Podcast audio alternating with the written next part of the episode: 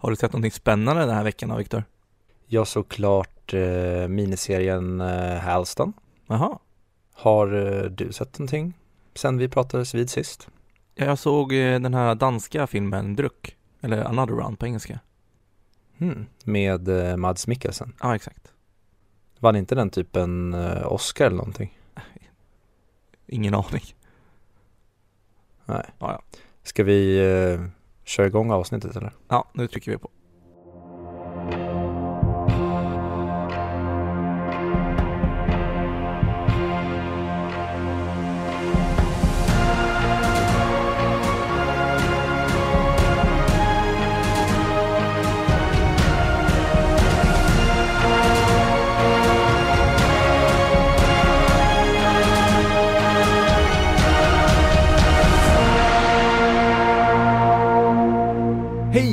Välkomna till 100 Mic Podcast, det vill säga podcasten som pratar upp IMDBs topp 100-lista men inte Charlie Chaplin. Verkligen inte Charlie Chaplin. Tack. Vi har kommit fram till placering 20 som då är Seven från 1995 gjord av David Fincher. Mitt namn är Fredrik och som vanligt har jag med mig min kompanjon Viktor. Och innan vi går vidare så måste jag också nämna med glädje att vi fortfarande har ett otroligt roligt samarbete med Sveriges största online-magasin för filmer och serier, Moviesin. Tack Moviesin för vårt samarbete. Är det inte Movie som ska tacka oss? Det beror på hur man ser på det. Jag eh, har ju varit i kontakt med eh, diverse professorer på bland annat Harvard, Yale och MIT också var, Mm var inblandade här. De gjorde ju en studie och eh, kollade att om inte vi hade valt att samarbeta med Moviesin så hade ju Moviesin gått under under pandemin. Det är mycket möjligt. Jag tror ju också att de har tagit lite inspiration av oss när de lägger upp sina så här Vad tycker du om den här filmen? Glad gubbe för att du gillar den. Hjärta för att du älskade den. Tummen upp för att du kanske den var sådär och så vidare. Att de har tagit vår, vår sätt att sprida vidare saker. Som, ja, jag kan ju verkligen inte ta på mig att jag var först med att göra det där. Det där är ju en klassisk, hur får man många likes på en post? Men eh, Nej, men där, nu, det. nu bröt ju allting. Vi måste ju faktiskt ha svansföringen att vi är hönan och fjädern. Vi, har ju, vi kommer på allting nytt och sen tar alla andra efter oss. Och det spelar ingen roll om det har skett innan vi har gjort det. För att då har de förmodligen rest i tiden och tagit inspiration av oss när vi gör det. Men menar du inte att vi är hönan och ägget? Vad sa jag då? Hönan och fjädern? du, du tänkte på att göra en höna och en fjäder? Det tror jag, jag gjorde någon slags mix. Men återigen, när nu det kommer bli ett etablerat eh, uttryck, när folk kommer börja säga hönan och fjädern, då vet ni att det var jag som var först. Ja. Vet du vad det kan vara? Nej. Att jag fick fjädern ifrån? För jag såg att de har släppt en, eh, de första bilderna från den nya Jurassic World-filmen. Mm, mm. Och då står det, eh, eller då har dinosaurien fjädrar. Så jag tror att det var Mm. en eh, freudiansk slip från mig. Nej, Jag hoppas att de slänger så mycket CGI som möjligt i den filmen bara. Så att den blir bra för en gångs skull. ja, men jag såg den nya posten och eh, det ser ut att vara, ja men en Pixar-film. Jag köper inte för en sekund att eh, det är en mygga som sitter på dinosauriefjäll eller vad man säger och eh, suger från den utan det ser bara ut som att det skulle kunna vara vad heter den, Disneys dinosaurier eller den här The Good Dinosaur. Mm. Bra. Det gillar jag. Då, då, då får man lite så här trovärdighet och lite bättre känsla för filmen. Obs, Mm. ironi. Men, eh, eh, alltså jag är ju faktiskt supertaggad på att ge mig in att prata om den felaktigt översatta druck. Är du också det? Ehm, jag kan faktiskt godkänna det. Nej, eh, jag satt kvar i tanken på att eh, sa vi att det var placering 20? Mm. Jag, sa, jag, var, jag var tydlig med det. Ja men vad bra. Det, vad, vad är Jag är vimsigare än vanligt men så får det vara. Det är varmt, det är sommar. Ja, det ska vara så. Men En dås i huvudet. jag var ju då och såg, du hade sett Druck eller Another Round eller En runda till tror jag det heter på svenska. Eh, tidigare. Jag var och såg den på bio igår. Och det var då första gången jag såg den. Och var första gången jag var på bio på över ett år också. Vilket var väldigt kul. Nice. Ehm, det här är ju också så här petitess-sak, men jag, jag, varför är de tvungna att byta titel på den? För att vi eh, det har med både oss och USA skulle jag Ja, USA säga köper göra. För USA har väl inte riktigt det här ordet för drick? Drink, det kan man ju missuppfatta tänker jag. Den skulle kunna heta typ Chug. Men det låter för mycket, du vet, studentfilm. Tänker jag. Mm. Ja. Nej, jag, jag, jag förstår att de gör det, men jag menar att det är samma fenomen i Sverige och i USA. Att nu är det en dansk film och då måste USA översätta den så att amerikanerna förstår. Och Mm. vi i Sverige var ju framförallt på 90-talet var vi experter på det, framförallt typ TV3 när man skulle visa en amerikansk film så gjorde man någon rolig översättning på det hela så att det skulle vara supertydligt för oss vad filmen faktiskt handlar om. Mm. Men mm, jag måste nu, för det här är en ganska ny film och den tycker jag folk ska se. Så spoiler alert. Kolla i beskrivningen vart ni kan spola fram till för att slippa spoilers. Och om vi är riktigt Mm, osköna ja, så men- klipper vi in det eh, ändå när vi pratar om den andra filmen. Så slänger vi in någon spoiler här. Spoiler, Mads Mikkelsen dansar i slutet. Ja, vilken jävla scen det är. Mm. Ah. Men jag, jag vill gärna höra du som har sett den färskt, för jag har ju, ja jag vet inte, nu, nu flera månader sedan jag såg den, så den är väl ganska, den är mycket luddigare i mitt huvud än vad den är för dig garanterat. Ja, alltså det som jag, den, den största kritiken jag hade då, jag har inte hunnit tänka igenom filmen än. Så det här är en färsk analys. Men eh, ska man hårdra det så, så tycker jag att det är lite så här, det är lite bristande logik i den och så här, ja men det är inte verklighetstrogen på, på ett sätt. Men jag tycker filmen är, är, är så pass bra så det blir lite Nolan-effekten över den, att jag blundar för sådana saker. Som att så här, de måste ju fatta att de kommer bli alkoholister om de dricker varje dag. De kom, måste ju fatta att det här kommer bli fel på något sätt och att de måste ha mer säkerhetsgrejer eh, och de, han är liksom professor i psykologi och han kan inte skriva en jävla uppsats ordentligt. Men det, det är sånt som blir snyggare på skärmen. Eh, så jag, om jag menar sånt där, det är verkligen nitpicking och saker som jag, som inte drar ner filmen för mig. Eftersom jag, det blir att jag väljer inte att se den här filmen på det sättet. Och sen så, Mm. och en sak som jag verkligen reagerar på. Fy fan vad Mats Mikkelsen är bra med sina uttryck i den här filmen. Alltså hans blickar får mig verkligen att känna exakt det som karaktärerna känner i de ögonblicken. Framförallt när de sitter där Mm. efter de har testat att ligga på 0,5 promille och de känner så här, vi borde växla upp till en promille. Och de sätter på artisten. Eller så är det kanske när de väl kommer fram till att de ska testa 0,5. Skitsamma. Och de lyssnar på den här eh, pianisten som, som bara kan spela full. Och man ser i hans, ö- i hans ögon att det är någonting som saknas i hans liv och det här kanske är hoppet ut ur allting. Otroligt scen tycker jag. Mm. Nej, jag, jag blev helt knockad av den och jag tror att jag skulle tycka ännu mer om den om jag såg om den. För jag gillar just den grejen med att, som du säger, att de borde ha förstått att det här förmodligen kommer gå åt helvete i alla fall för, ja, som det gör, framförallt för verkligen en karaktär som mister livet. Mm. Men jag gillar att det är alkoholen blir som deras, eh, de slår sönder tegelväggen och börjar uppskatta livet igen.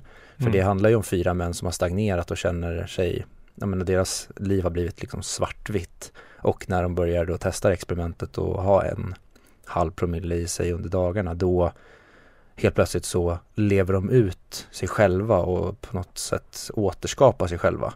Och det tycker jag blir så otroligt bra i ja, men slutscenen när Mads Mikkelsen går verkligen full-blown sig själv. Att han är verkligen som en packad tonåring där och dansar runt och är verkligen helt utan hämningar. Han har verkligen blivit fri till slut och hela filmen, om man bara ska fokusera på Martin, heter han väl. Vill jag minnas att hans karaktär heter. Ja, Mads Mikkelsens Ja. karaktär i alla Ja. fall. Att han går från att vara ja, verkligen hämmad och har den här trasiga, trista familjen med en fru som, visst är det så, hon, för han konfronterar henne någon gång i filmen och säger typ att han, hon inte ens vill ligga med honom. Mm. Eller hur? Ja, alltså det indikeras på att hon väntar på honom och då fattar man inte om hon är otrogen eller inte.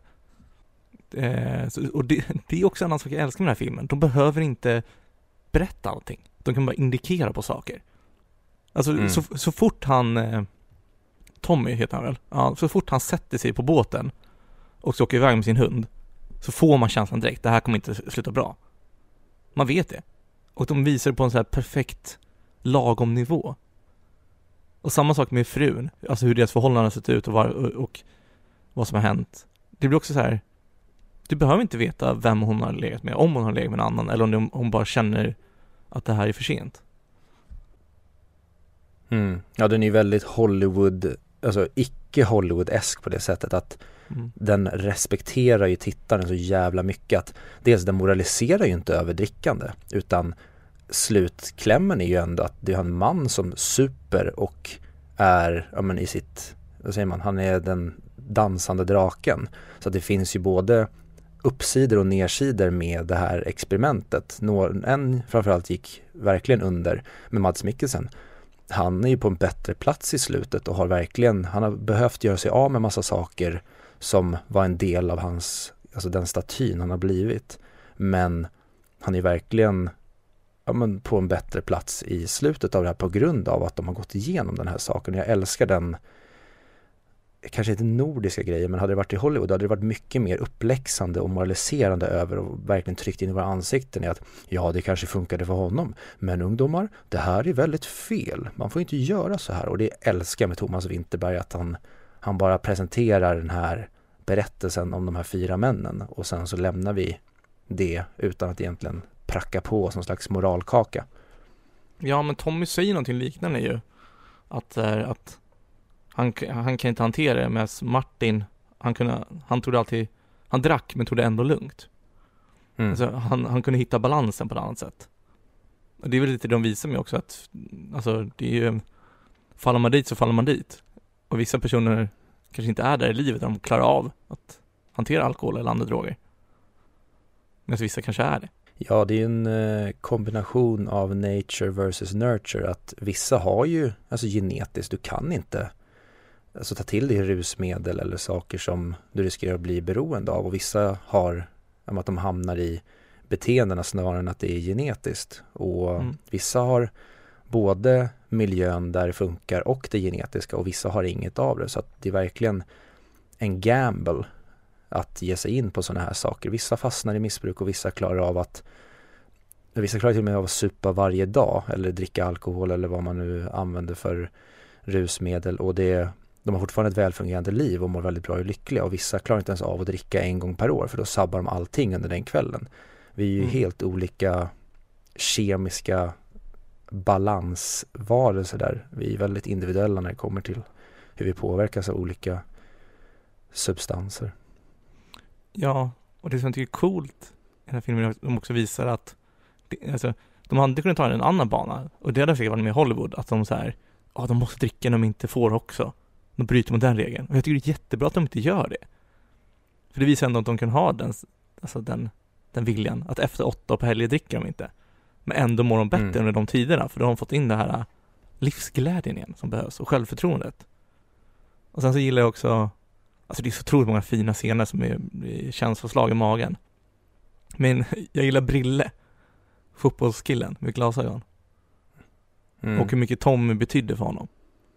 Att, att visa ja. så här att de var en goda människor allihopa, de hjälpte alla. Även om allting kanske inte var moraliskt rätt som att se åt ett barn och supa innan en, en tenta. Eller vad det nu kan vara.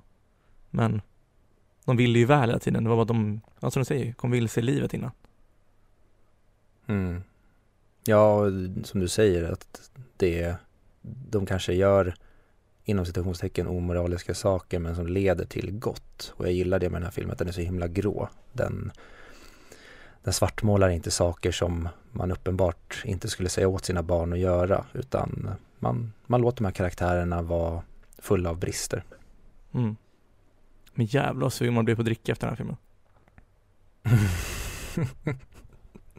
ja, verkligen. Och um, nu när det är varmt och soligt ute och man ser ja, men student mm. scenen i slutet där och det är verkligen, vi är mitt i studenttiden nu när vi spelar in det här så det, då blir man ännu mer taggad på att ta sig ut och ännu mer när det har liksom varit corona och det inte finns det här nattlivet på samma sätt eller det, vad säger man, den närheten ute på stan som det fanns innan pandemin tycker jag i alla fall när jag har varit inne i Stockholm. Så, um, så blir man ännu mer taggad på att bara vara runt människor och vara lite intoxicated och må lite bra. Verkligen. Och att jag är också så otroligt sugen på att lära mig dansa.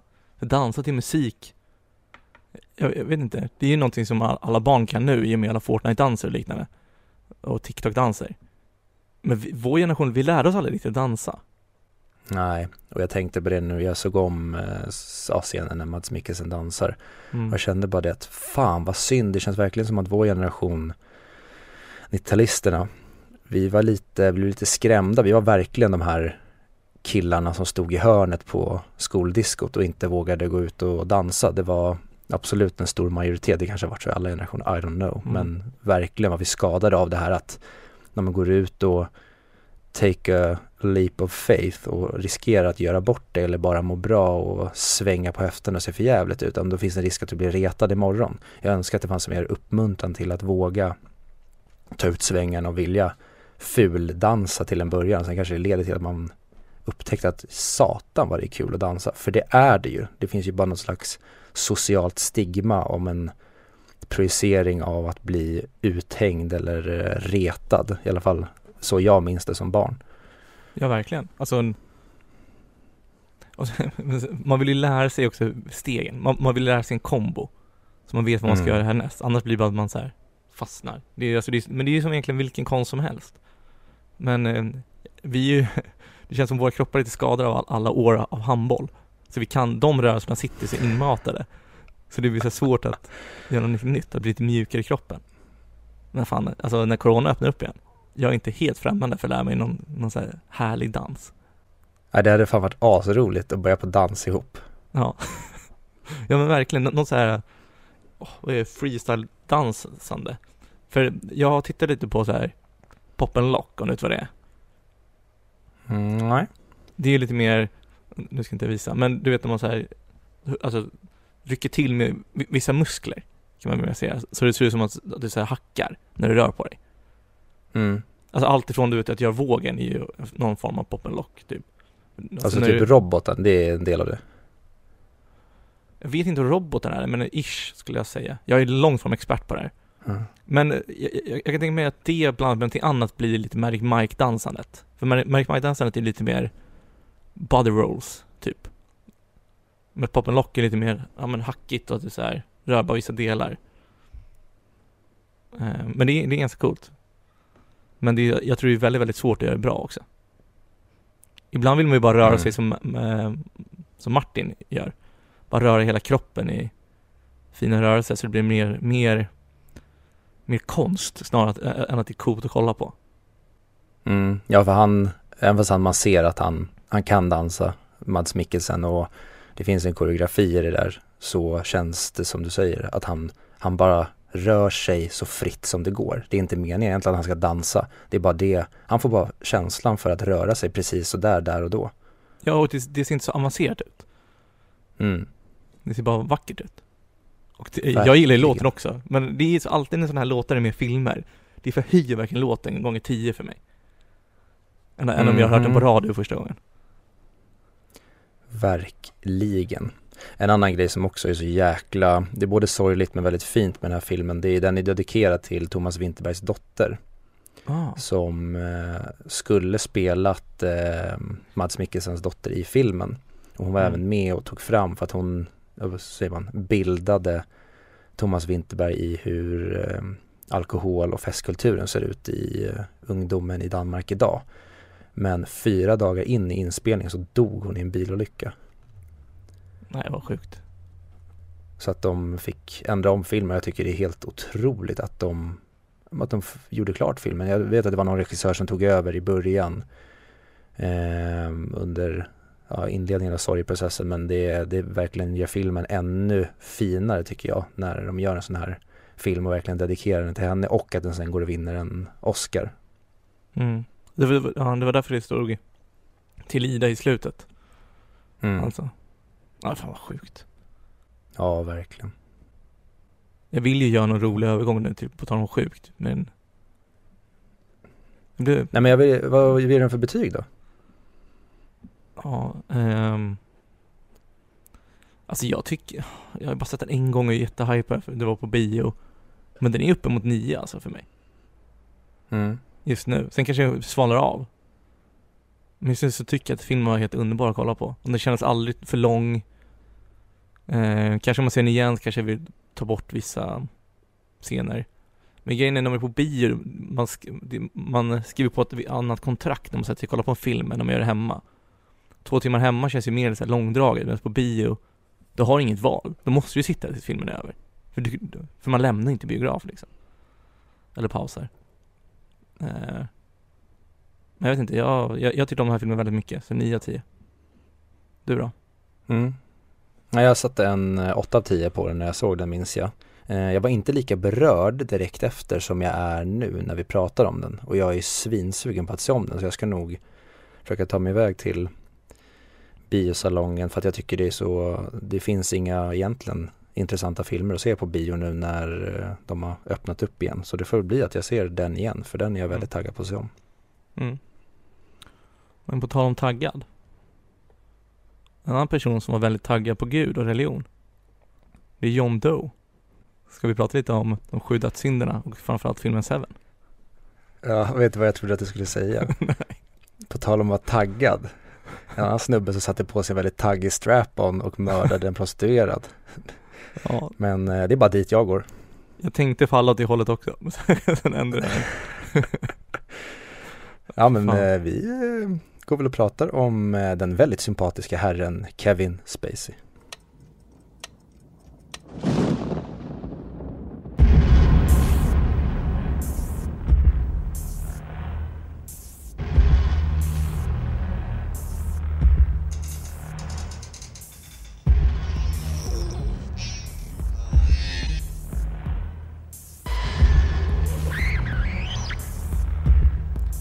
Då har vi kommit fram till David Finchers, kanske mästerverk, kanske inte, det får vi se snart.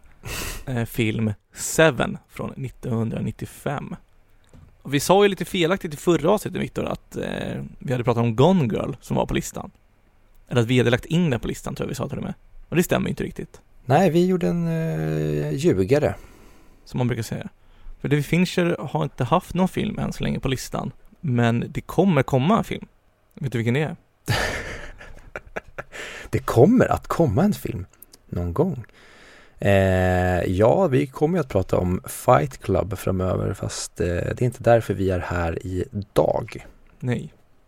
Vi är här för att prata om Seven som sagt.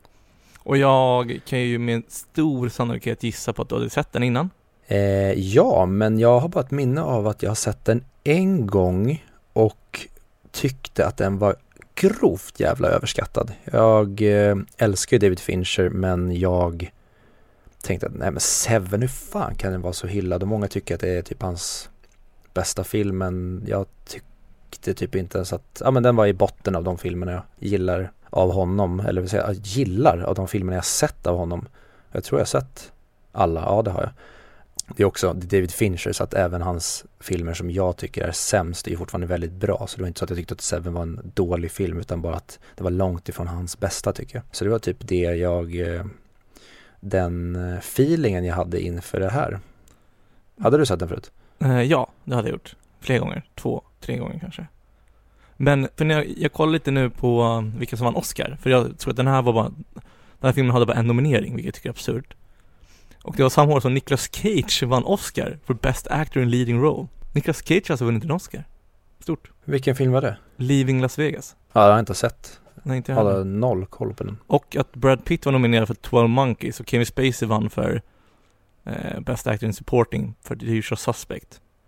Och det var även samma år som Braveheart vann Best Cinematography. All right. ja för det var en grej jag reagerade på när jag såg att den bara var nominerad för bästa editing. Jag tänkte, Mm. vad i helvete? Men all right, när det finns de där andra contendersna så förstår jag att den kanske blev overlooked, speciellt när ja, de som är med i den här filmen ändå blev eh, hyllade på annat sätt. Braveheart får fan mycket Oscars. Jag tycker inte att den är så pass bra, men det har vi pratat om innan. När den var med på listan. Jag vi typ hånade ju den i Braveheart-avsnittet. Ja. Så lyssna på det om ni vill ha lite banter om Braveheart. Fan, jag vill håna den ännu mer. Jag blir typ arg nu. Ja. Men det är inte, där, det är inte därför vi är här. Nej, Vi är här för att prata om Seven som är, åh, vart ska vi börja med Seven? Ja, alltså vad, vad kan man säga? Det här är ju inom citationstecken David Finchers första film. Han hade gjort eh, Alien 3 innan.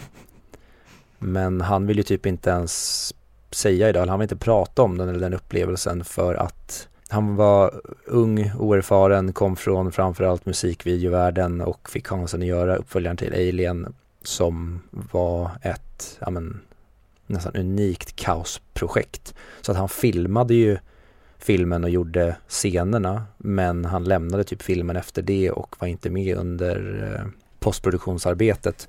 Så att det är inte, det är inte hans film och sen även gjorde de en inom citationstecken Directors Cut massa år senare för att originalkatten var så jävla dålig. Men även den vill inte han stå bakom för att han supervisade den men han var inte, det var inte hans vision av vad filmen skulle bli. Så att jag tror, skulle man fråga David Fincher skulle han nog påstå att Seven är hans första film för det är där han egentligen har mm. kontroll över det hela. Mm. Vill du gå igenom lite snabbt vad, alltså premissen för Seven? Um, ja, vi kastas egentligen rakt in och får följa en eh, polis som är bara en vecka från att gå i pension. Och eh, han eh, stöter på ett eh, mord där en eh, ganska överviktig man har blivit eh, tvingad att äta sig till döds. Samtidigt som en eh, ung hetlevrad polis kommer in i bilden och vill ta på sig det här caset. Så eh, ja, tillsammans så bestämmer de sig för att eh, ta reda på vad det här kan leda någonstans. Och ja, ja. jag tycker att, eh, nej men eh, jag känner bara så här att jag, det kommer vara svårt för mig att, jag har en kritik till den här filmen och det är That's It. Eh, och den kommer jag komma in på senare, men jag, jag, tycker att den här sätter, det sätter en bra stämpel i, i början direkt. Man får en känsla av vilken miljö vi kommer röra oss i, vad filmen kommer att handla om. Det enda som jag, som jag, just det, som jag tänkte på, fan vad jävla creepy de här öppningstexterna är, med den musiken. Mm. Tycker du inte att det finns väldigt mycket likheter med uh, Mindhunter i vignetten? Uh, det tänkte jag inte på, men jag fick lite så känsla över den. Alltså jag, jag var, trots att jag sett den så var jag såhär, det här vill, jag vill inte se den här filmen. Den här är sjukt obehaglig. Mm. För resten av filmen tycker jag inte är så pass obehaglig. Den är mer, de håller på en bra nivå för att inte göra en slasherfilm. Vilket öppningsscenen ändå indikerar på att det kommer vara. Eller texterna, men inte scenen. Men utöver det, alltså jag, jag älskar ju Morgan Freemans karaktär. Så lugn och, och metodisk. Helt otroligt. Och jag är så otroligt mätt på Morgan Freeman. Lite samma känsla som till Tom Hanks. Det kändes som att vi trycktes upp vi fick Morgan Freeman upptryckt i våra ansikten under så många år att jag känner mig fortfarande väldigt mätt på honom. Men nu när jag satte mig och såg det här så var det bara shit vad den här karn är en gudabenådad jävla skådis. Alltså han, Morgan Freeman är så jävla bra i den här. Mm. Och det tycker jag egentligen att eh, alla är. Det kanske, Brad Pitt kanske är svagast ibland. Alltså ibland tycker jag att han kanske inte levererar men det tycker jag också funkar i hans karaktär. Men han blir lite väl, eh, lite mycket skådespelare ibland. Vilket jag tycker att resten av filmens karaktärer inte gör. Jag tycker resten av filmens karaktärer håller sig väldigt trovärdig. Men samtidigt, Mills ska ju vara väldigt hetlevad och känslostyrd. Så det funkar. Men det är någon som jag kanske ska klaga lite på så är Brad Pitt. Även fast jag tycker att han är helt sjukt bra för det mesta. Och framförallt i bara bildrutan i slutet när han står och siktar pistolen mot John Doe. När man ser hur bara han jobbar med att ska jag skjuta honom, ska jag inte skjuta honom, ska jag skjuta honom, ska jag inte skjuta honom. Så det var bara en, ja, men liten petitess i det hela. Men i, eh, i övrigt, jag blev helt jävla blown away av den här filmen den här gången. Mm, jag håller med. Eh, och det, det var faktiskt den enda kritiken jag hade kommit på också. Jag tycker Brad Pitts karaktär är lite för stereotypisk, lite överspelad. Men jag tycker han funkar så bra i och med att där vi landar i slutet för då är det ju på grund av att hans karaktär är så här mm. som resultatet blir som det blir. Det hade inte funkat om vi hade en mer rationell karaktär. Det hade inte funkat med två Somerset utan vi måste ha en ung känslostyrd hetlevrad person som lämnar hjärnan utanför och sen måste vi ha den här väldigt, väldigt kalkylerande, lugna, planerande och analytiska personen. Jag tycker de funkar så jävla bra ihop. Och sen i slutet, slutscenen är ju, ja men det är en av de bästa sluten på en film någonsin skulle jag säga. Mm. Ja, det är verkligen det. Och jag, vi, kan, vi, kommer, vi kan säkert hoppa fram och tillbaka i det här men för jag kollade med min tjej och hon hade inte sett den här. Mm. Eh, och hon sa när de satt i bilen på väg dit och de började prata eh, i bilen där. Då sa hon så här, äh, men det kommer säkert vara, eh, han, han har dödat hans fru och eh, barnet och hon kommer vara de här två sista morden. Så hon var inte helt rätt ute på det men hon var ändå inte helt fel ute på det. Och då tänkte jag först, ja men det är ju lite dåligt av filmen att hon som inte har sett den så uppenbart eh, förstår vart det här kommer leda. Mm. Men sen kommer ju twisten då att, ja okej, hon, det är hon som ligger i lådan.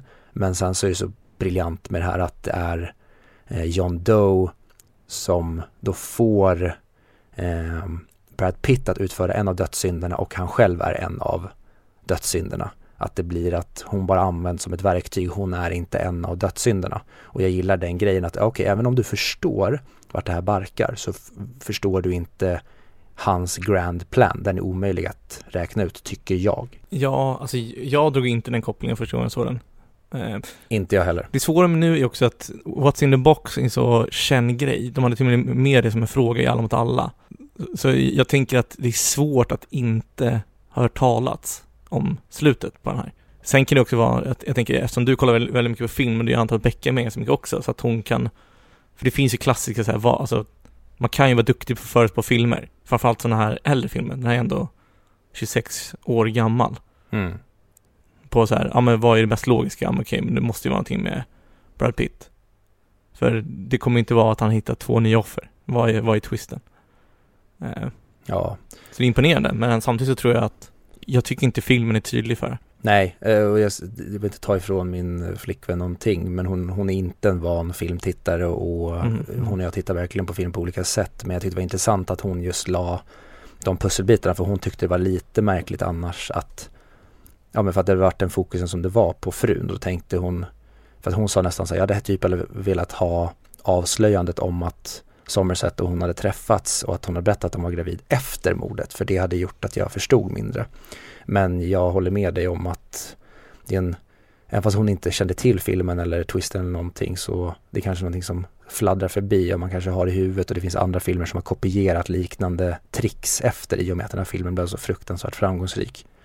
Jag håller inte med om att jag hade velat se filmen eller scenen efter. Jag tycker att det är bättre med foreshadowing. Inte jag heller. Eh, det här, alltså jag, jag, och det är det, jag vill inte ändra en jävla bildruta i den här filmen. Jag tycker att det är en perfekt film. Alltså jag är helt jävla, som jag sa, blown away. Och det jag gillar så mycket med den här som jag inte gillat med den i mitt huvud i alla fall tidigare, det är att jag gillar ju den här moderna, väldigt kalla, klina, digitala Fincher när åkningarna är superkalkylerade.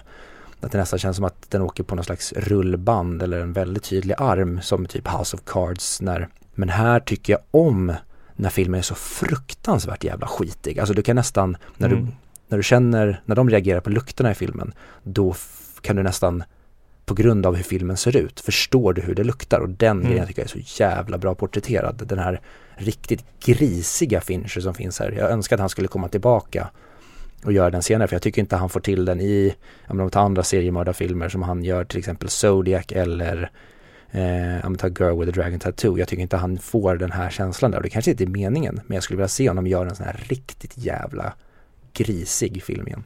Jag, jag kan inte bara hålla med. Det här kommer bli ett avsnitt där vi sitter och runkar av varandra. Fram med glidmedlet för nu kör vi Viktor. Det, alltså det är så jävla bra den här filmen. Mm. Det, det, är nog den bästa filmen jag har sett. Och ja, jag vet inte, jag har svårt att jämföra med någonting annat.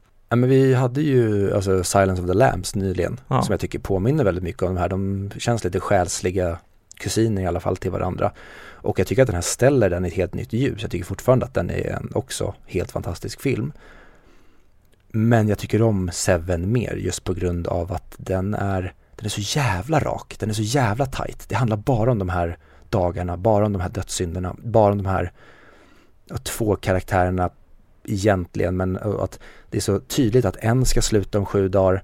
Han väljer att ta på sig det här till slut och det kommer in en nyhet ung och de ska försöka samarbeta ihop. Den är egentligen så jävla kantig och tydlig men på grund av att det är en ja, blivande, eller han är ju redan en mästare här, Fincher, så är det en alltså thriller utöver det vanliga. För det här hade kunnat vara en helt jävla, bara intetsägande random ja, men, mordrulle. Men på grund av att det är David Fincher som gör den så gör han det till ja, men, typ det bästa inom sin genre ever.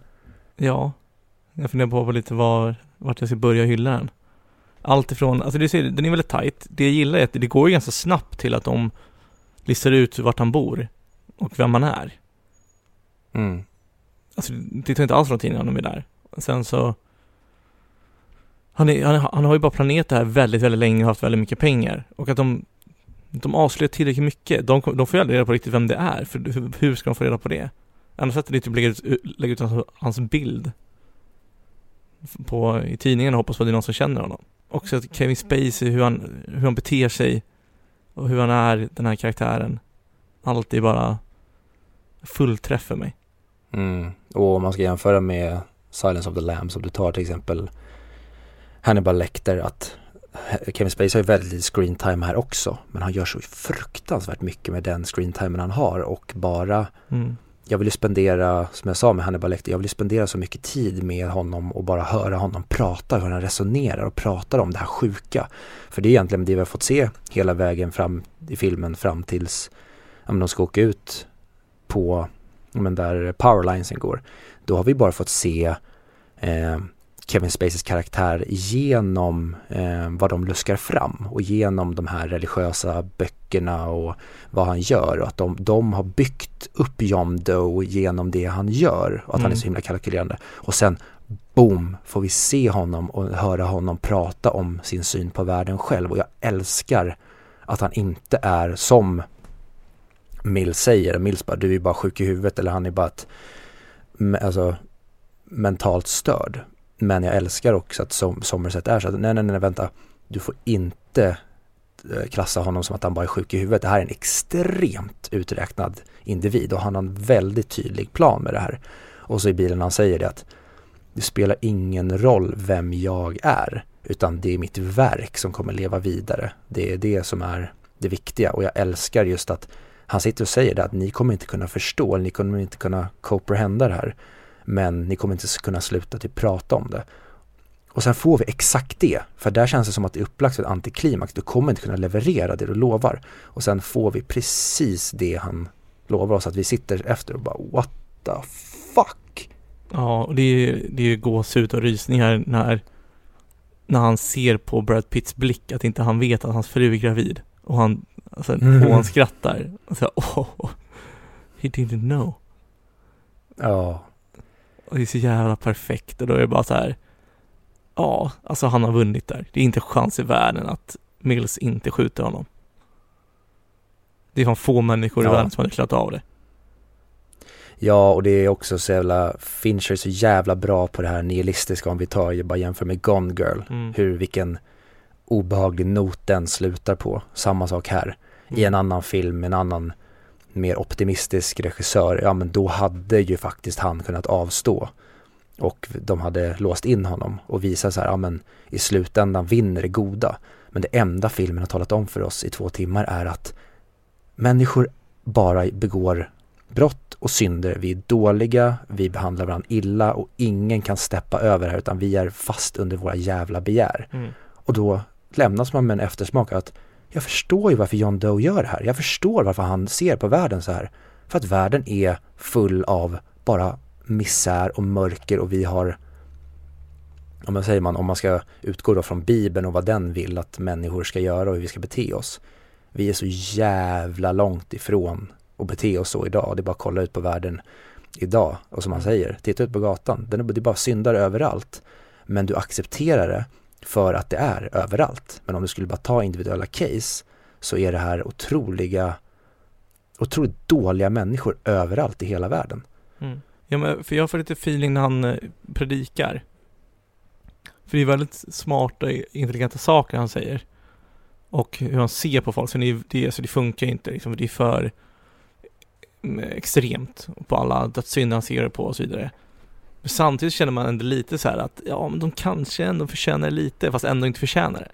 Framförallt så här, man tycker ju lite synd om han som har varit fast i en säng i ett år.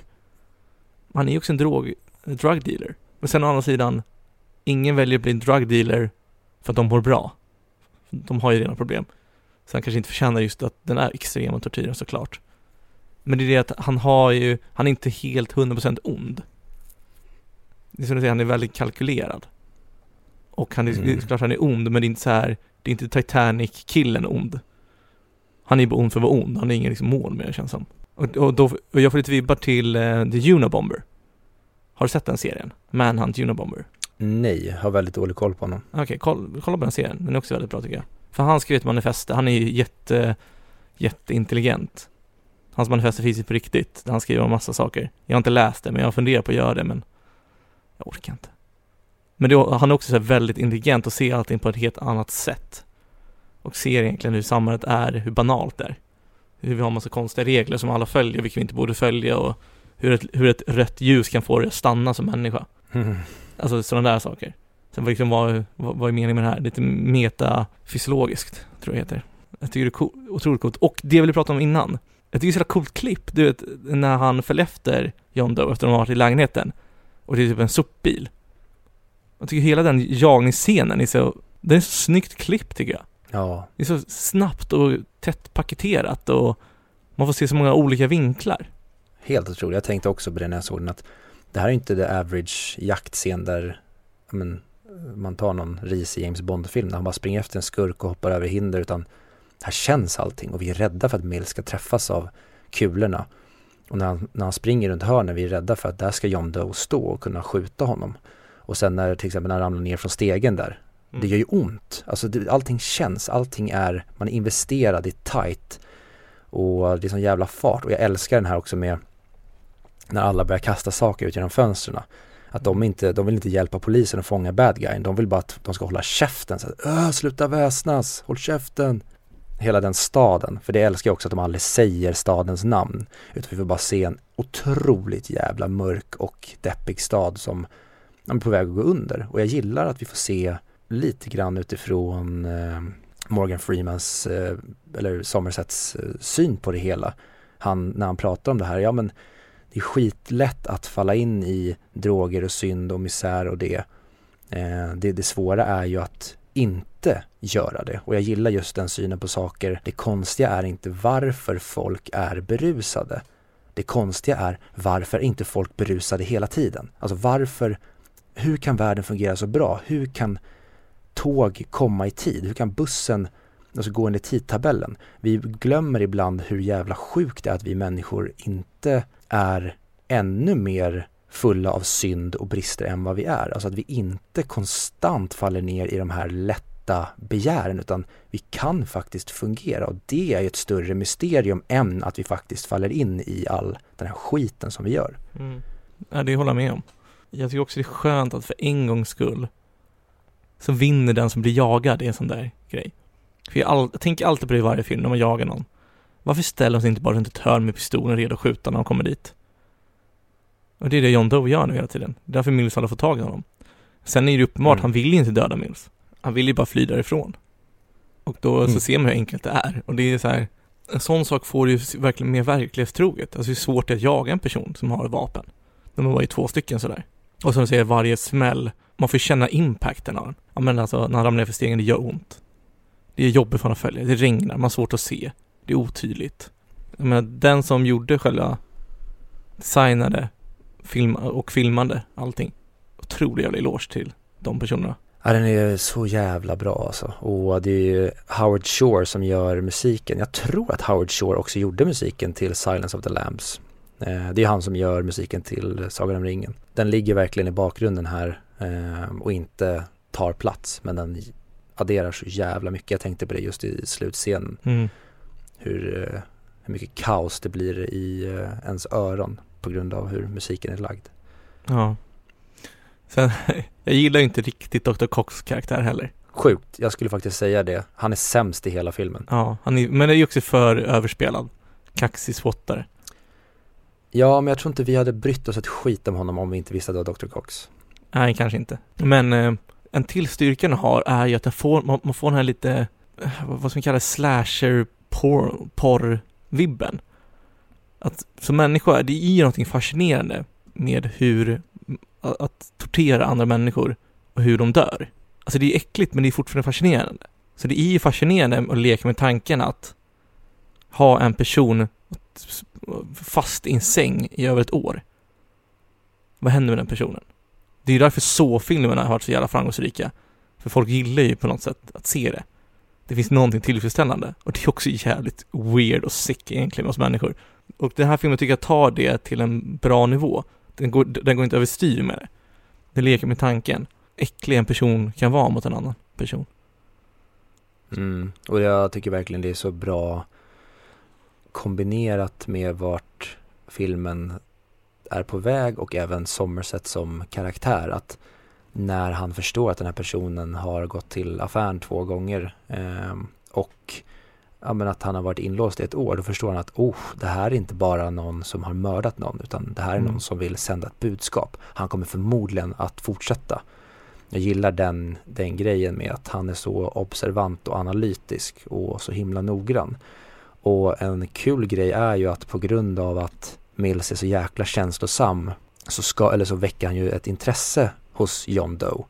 Så till exempel när han tar bilden där och sen så förstår han ju att oj, han har det här livet med den här frun och hon är gravid och så säger han det, ja men min, min synd var avundsjuka för jag blev avundsjuk på ert liv. Men det är ju bara livet på ytan för egentligen han och hans frus relation är ju inte bra. Så man bara ser, ja men dels att hon börjar, går och pratar med Somerset som hon inte känner utan hon är så ensam med den här platsen och när Mills kommer hem på kvällen, han typ säger bara, eller morsar på henne, men den riktiga kärleken ger han till sina hundar. Mm. Att John Doe avundas någonting som egentligen bara är hur det ser ut på ytan, men egentligen så är det inte så bra.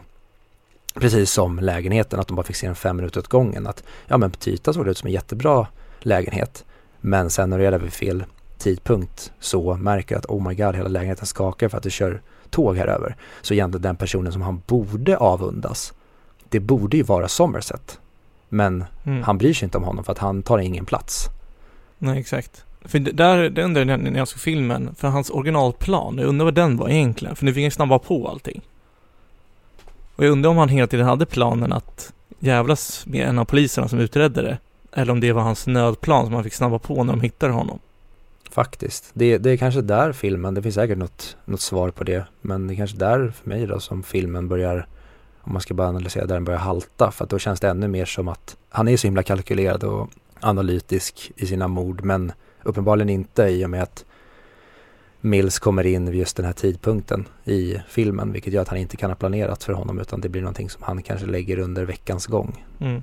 Ja, men det bryr jag mig noll av, för det är bara när du verkligen börjar sitta och peta, peta, peta. Jag tycker filmen är så otroligt bra i övrigt så att för mig är det skitsamma. Ja, alltså det, det, nej, det är, ingen, det är ingen kritik. Jag blev bara fascinerad över det och tänkte, jag undrar mm. hur han tänkte, hur hans plan var.